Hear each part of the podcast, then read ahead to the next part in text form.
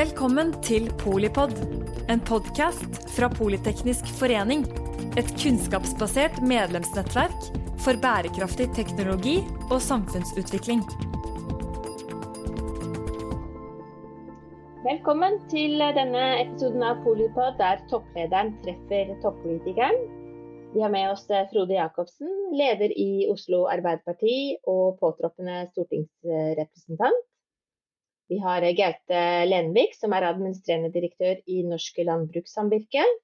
Og som vanlig er Janne Log, daglig leder i samvirkene, um, ordstyrer når topplederen treffer toppolitikeren. Hva skal vi snakke om, Janne? Vi skal snakke om ulike valgkamp og eierskap, og vi går rett på ulykke. Frode, du hadde en litt hard valgkampåpning. Fortell. Jeg skulle lage en valgkampvideo, og så da måtte jeg gå på litt, eh, litt høy kant, litt, høy, litt høyere enn vanlig trappetrinn. Og så mista jeg litt balansen, så jeg måtte ta et steg tilbake. Og da tråkka jeg over. Såpass kjapt at jeg da ramla og slo skulderen ut av ledd og fikk to brudd i skulderen. Så nå blir det fire uker med bein i skinnet med en vond ankel og seks uker med armen i fatte med en brukket skulder. Så ingen optimal oppladning, men når valgkampen starter på fullt 1.8, så er armen og beinet med, i tillegg til at huet forhåpentligvis funker hele tida. Ah, det hørtes vondt ut. Gaute, eh, hva tror du, du, blir de viktigste valgkampsakene? Eller hva håper du blir de viktigste? Vi har jo vært gjennom en pandemi. Det kommer helt sikkert til å stille en del spørsmål i valgkampen. Hvordan vi skal håndtere det nå når vi skal tilbake i en normalsituasjon. Og så registrerer jeg også at, uh, det har, eh, at regionalpolitikk, uh, distriktspolitikk, har blitt en viktig sak. Så det også er jo veldig spennende å følge med hvordan det svarte i valgkampen. Frode, hva øh, mener du bør bli de viktigste valgkampsakene? Jeg tror Gaute har rett at øh, oppfølging av pandemien og håndtering av Norge ut av pandemien vil stå sentralt. Og da tror jeg det handler om hvordan vi raskest mulig kan få flere folk i arbeid og hvordan vi også kan eh, trygge velferden eh, framover. Vi har jo sett under pandemien hvordan, hvor viktig det er at eh, velferdssamfunnet stiller opp eh, når vi trenger det. Så jeg tror arbeid og velferd kommer til å stå sentralt, i tillegg til at vi er nødt til å finne gode svar på veien ut av klimakrisen. Hva er det viktigste lærdommen dere tar med dere fra pandemien? Begynn med Frode. Jeg var litt inne på det at betydningen av eh, sterke fellesskap når de trenger det.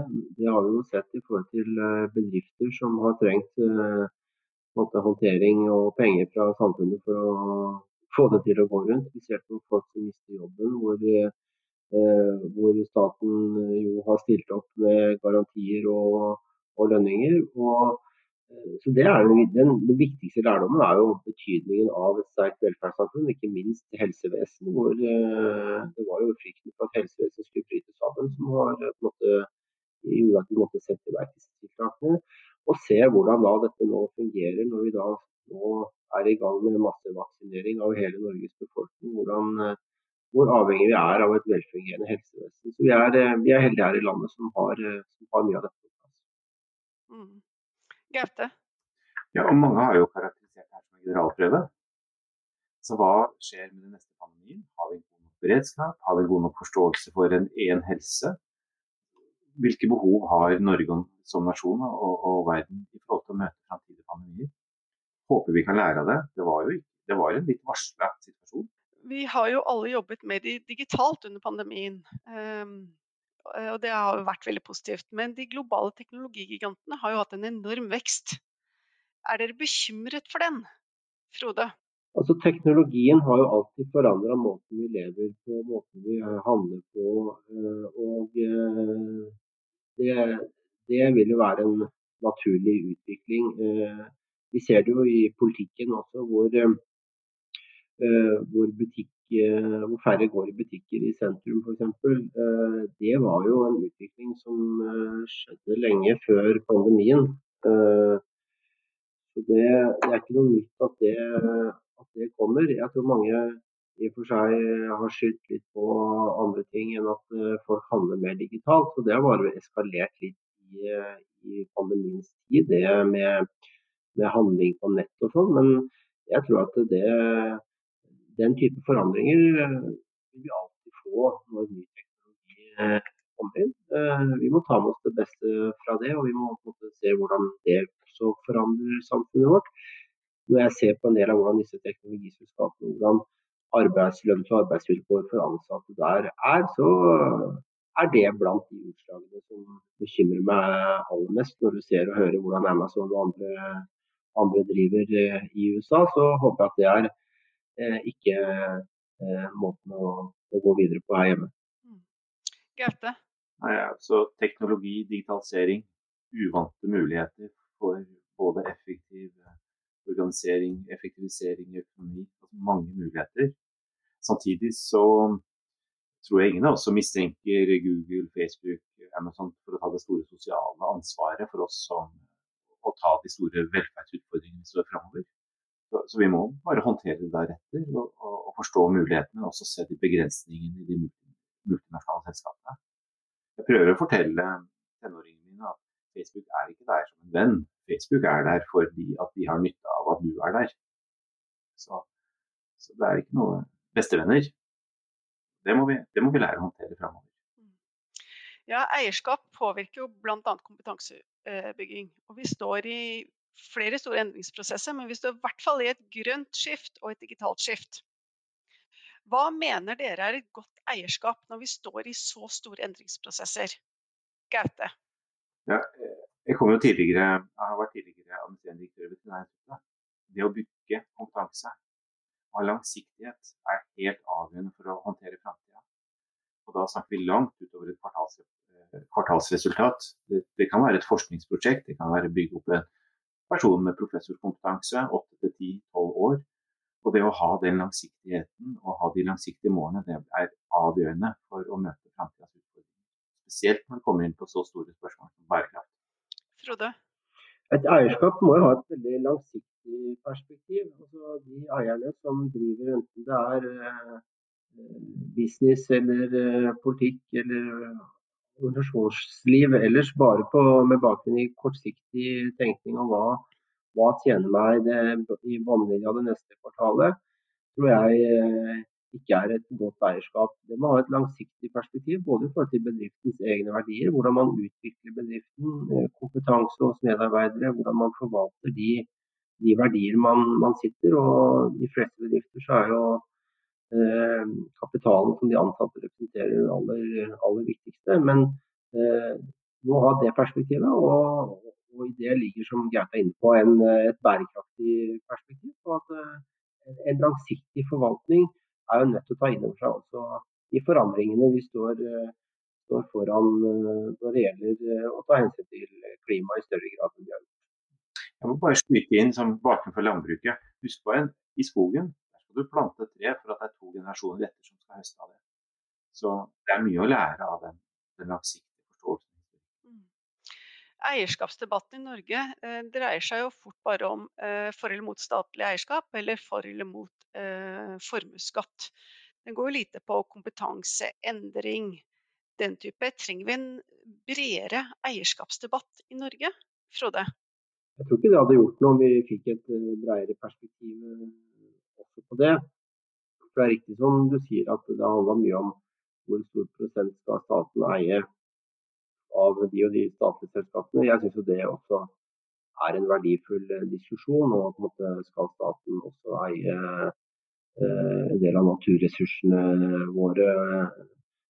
Så det, det tror jeg nok vil være viktig. Men det, det, viktigste for meg har også vært uh, Nå sitter jeg i bystyret i Oslo, kommunen eier en del uh, kraftselskaper bl.a. Uh, uh, jeg mener at kommunen det offentlige bør eie en del av de forvalte naturressursene.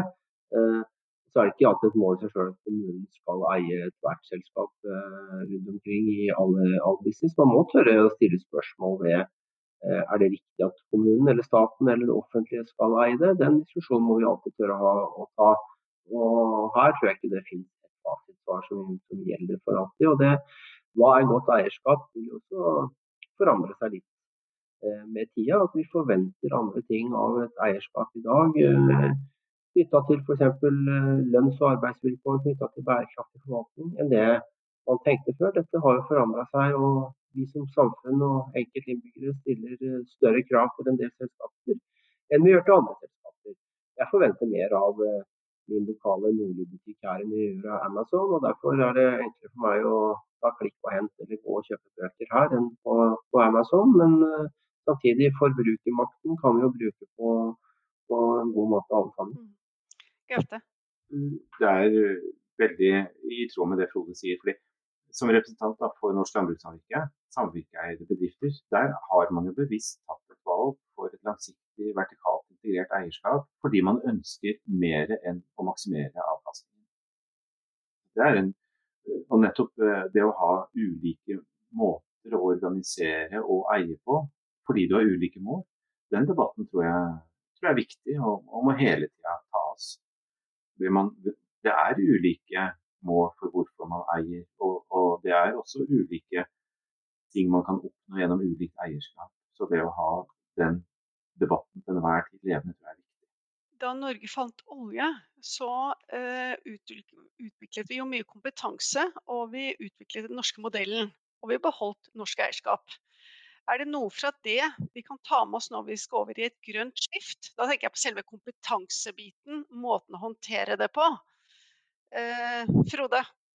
Jeg syns det norske eksempelet med forvaltningen av de naturverdiene at vi trenger å snakke om uh, pensjonsfondet av den grunn, liksom, men at vi, at vi viser en, uh, en, forsiktighet ved forvaltning av naturressursene. At vi ser at her vil det være verdier, her vil det være noe vi er nødt til å ta med oss langt uh, framover. vil være tenke i generasjonsperspektiv. Det er som trærne som Gaute nevner, eller det er Eh, oljefondet som eh, mine barn og barnebarn også skal ha, ha glede av, så må vi også bruke det, det grønne skiftet og ny teknologi også på en uh, klok måte som kan skape varige verdier, og som kan bidra til å skape et uh, bedre samfunn. Vi har jo vært, uh, det har jo vært Helt fra industrialiseringens tid så har man jo på sett og vis frykta forandringer. Ethvert menneske altså Omstilling er det jo ingen av oss som egentlig ønsker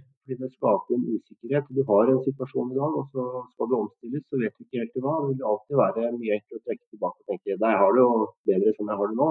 Men den type omstilling, å se liksom på verdien av det, gå inn i det med, med litt åpne øyne og se at hvilke muligheter vil det ligge for oss fremover her. Eh, jeg tror de selskapene i dag som går inn i det grønne skiftet og ny teknologi med med mer åpent sinn og tenke hva kan skapes av nye ting for oss her. Nye verdier, nye spennende ting, nye spennende kompetanse for våre medarbeidere.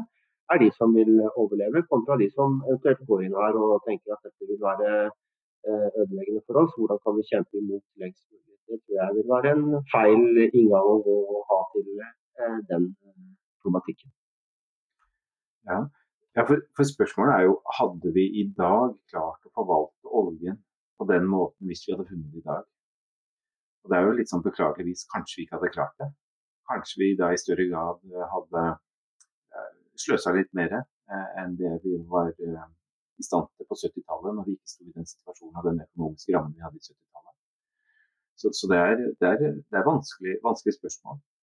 Men, men, jeg har også fått håp om at de verdiene som ligger i det grønne skiftet, det som ligger i et mer bærekraftig perspektiv, at vi som forbrukere og samfunn tar det perspektivet innover oss, gjør også at forbruket vårt og beslutninger både på, på, på person-forbrukernivå, men også på, som stat og nasjon, at vi da tør å tenke mer langsiktig, tør å gjøre det selv om det koster litt mer, selv om det krever litt mer, selv om det er litt vanskeligere enn å ta også klarer det i framtida.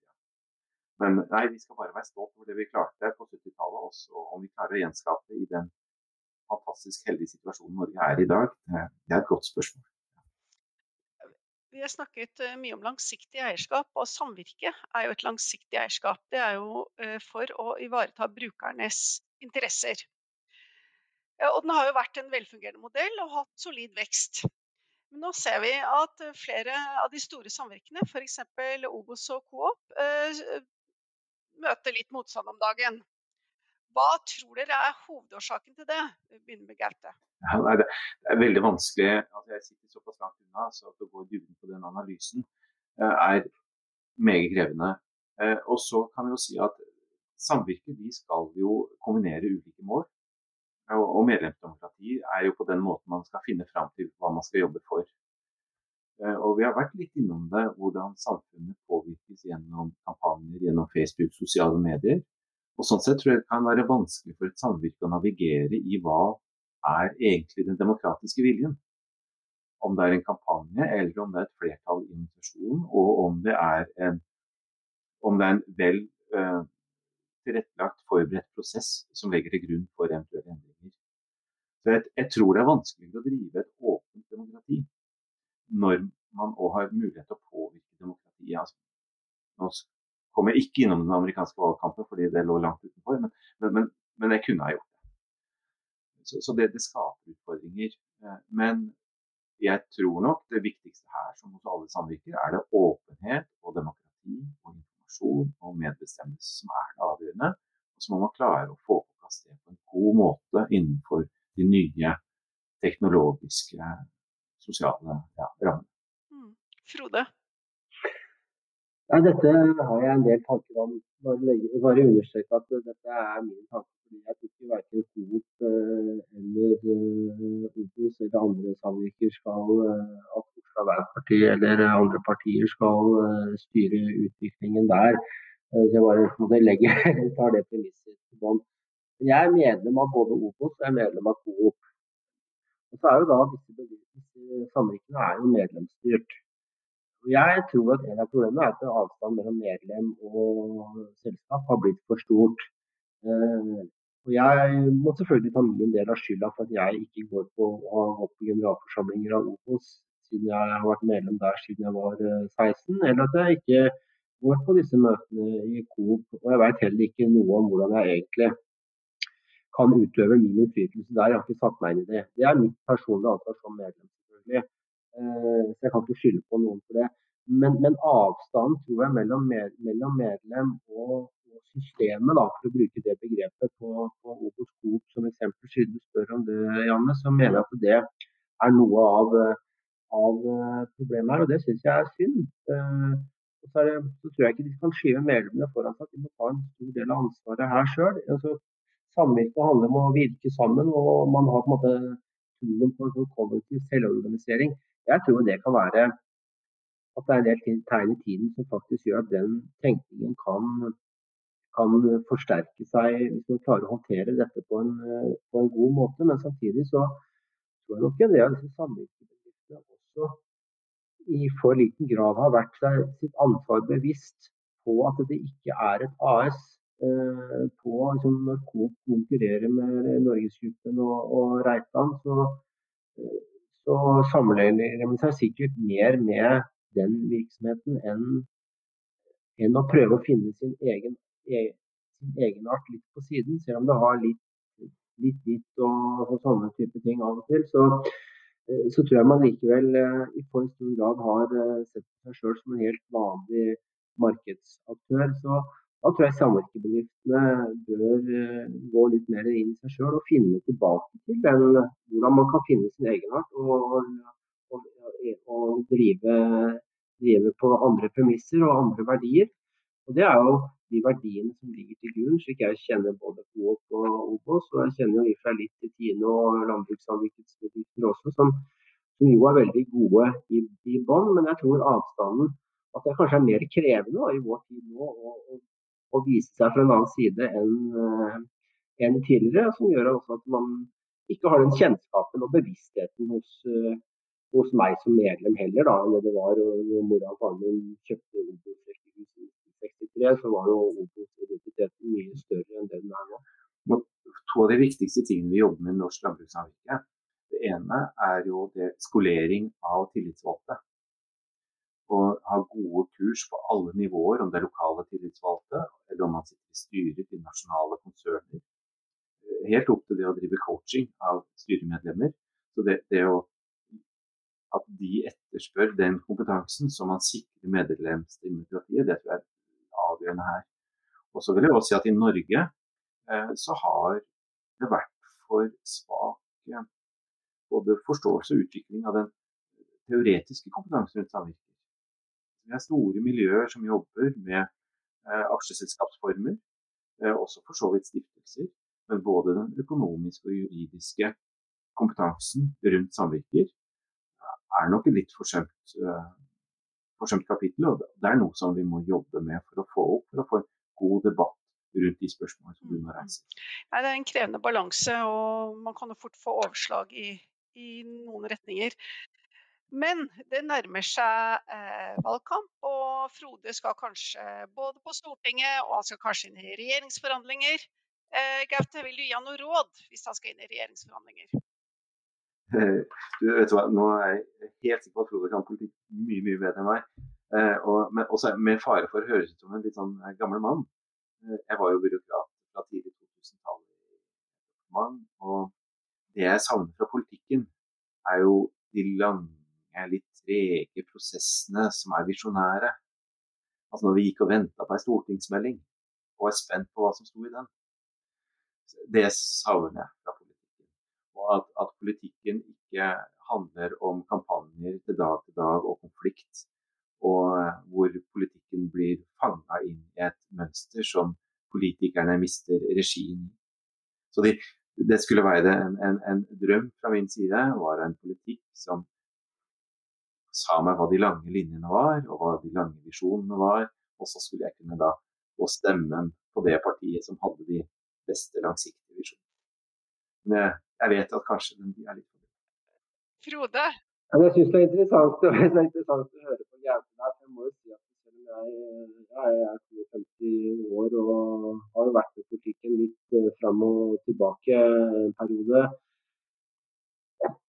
så er det jo er det sider ved dagens politikk jeg ikke syns er spesielt uh, inspirerende og, og, og, givende. Det er jo litt at du, man jeg, var, jeg, jeg jobba som politisk rådgiver for Jens Stoltenberg da han var finansminister i 1997.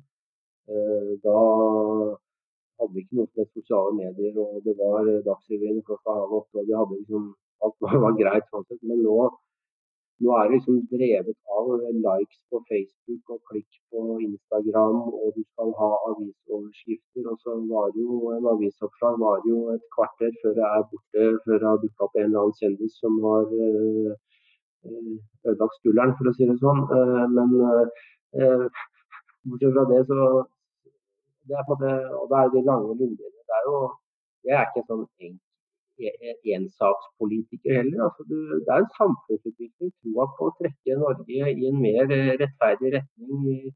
Mindre forskjeller, flere folk i arbeid. Det er jo de, det, er det jeg trigges av. og lærte jeg av Jens i Finansdepartementet liksom, at budsjettbalanse og de kjedelige tingene er liksom utrolig viktig å holde orden i økonomien. Da må du ha kontroll på utgiftene, du må skaffe inntekter og skape og dele. Så det er mye sånne ting som jeg også skulle ønske det var mer av, og mindre sånn der klikkbasert eh, politikk som eh, av og til ikke bare ikke, trigger meg ikke spesielt mye, men av og til virker det litt demotiverende. Og det å være lov og ærlig på en sånn podkast som dette, hvor det er mulig å ha samtaler om litt dype spørsmål, det, det skulle jeg gjerne ønske at jeg klarte å gjøre noe med. Ja, og jeg tror Det vi i hvert fall kan ta med oss fra den samtalen, det er det store spørsmålet. Hvis vi hadde funnet i olje i dag, ville vi kunne håndtert det så godt som vi gjorde på 70-tallet? Ja, jeg tror, eh, jeg tror kanskje det, men jeg er, ikke, jeg er, ikke, sikker. Det er ikke mange land som har klart det. Men uh, det er så store ressurser som det det er nå, så, så, så, tror jeg kanskje det. Men du ser jo gjennom koronapandemien nå at uh, de pengene fra oljefondet har jo, de har jo bare skrudd opp krana og latt det renne. og jeg tror, jeg tror det har vært umulig å forsvare å ikke gjøre det. Uh, men det er jo det som blir testen, da, som kanskje jeg må jobbe med til høsten. Det er på en måte å, å begynne å skru igjen i krana. fordi når pandemien er ferdig, så skal forhåpentlig næringslivet blomstre igjen. Og vi skal få folk i arbeid, og folk skal betale skatt, og det skal skapes nye jobber. Så det er øh, en stor jobb øh, foran, seg, foran oss. Og, og vi ikke må tro at ja, ja, hvis det er problemer, så kan vi bare hente ut et titalls milliarder i oljefondet. Så enkelt er det ikke. Der er en fordel å ha vært i kommunen. Jeg leder Oslo kommunes finansutvalg, har gjort det i seks år nå. Vi har de pengene vi har. Vi har ikke noe oljefond vi kan hente fra. Vi må, vi må bruke de kroner vi har på best mulig måte. Og Det er en nyttig lærdom. Selv om Oslo kommunes budsjett er stort på 73 milliarder, så, så, er, det, så er det de pengene vi har. Vi, kan ikke, eh, vi har ikke noe fond stående som vi kan tappe. Tusen takk for gode refleksjoner. Så vi ser da eh, hvor mange kliks du får når du skal skru igjen oljekrana. ja, det blir spennende. det er ikke bare likes, det. Tusen takk, eh, Frode Jacobsen, leder i Oslo Arbeiderparti, påtroppende stortingsrepresentant. Tusen takk, Gaute Lenvik, administrerende direktør i Norsk Landbrukssamvirke. Tusen takk, Janne Log, daglig leder i Samvirkene. Jeg må jo si som eh, sosialøkonom så eh, klinger det som god musikk når dere snakker om langsiktighet og budsjettbalanse. Så det var bonustrekket i, i, dagens episode. Jeg møtte Vågnes Eriksen, generalsekretær her i Politeknisk forening, og jeg sier eh, tusen takk til deg som hører på Polipod når og hvor du vil har du kanskje med deg et par tips inn i, eh, for, for valgkampen når det gjelder teknologi og samfunnsutviklingen i tiden som kommer. Takk for at du lyttet til Polipod fra Politeknisk forening. Få med deg flere episoder, eller bli med på nettverksmøtene som du finner på at polyteknisk.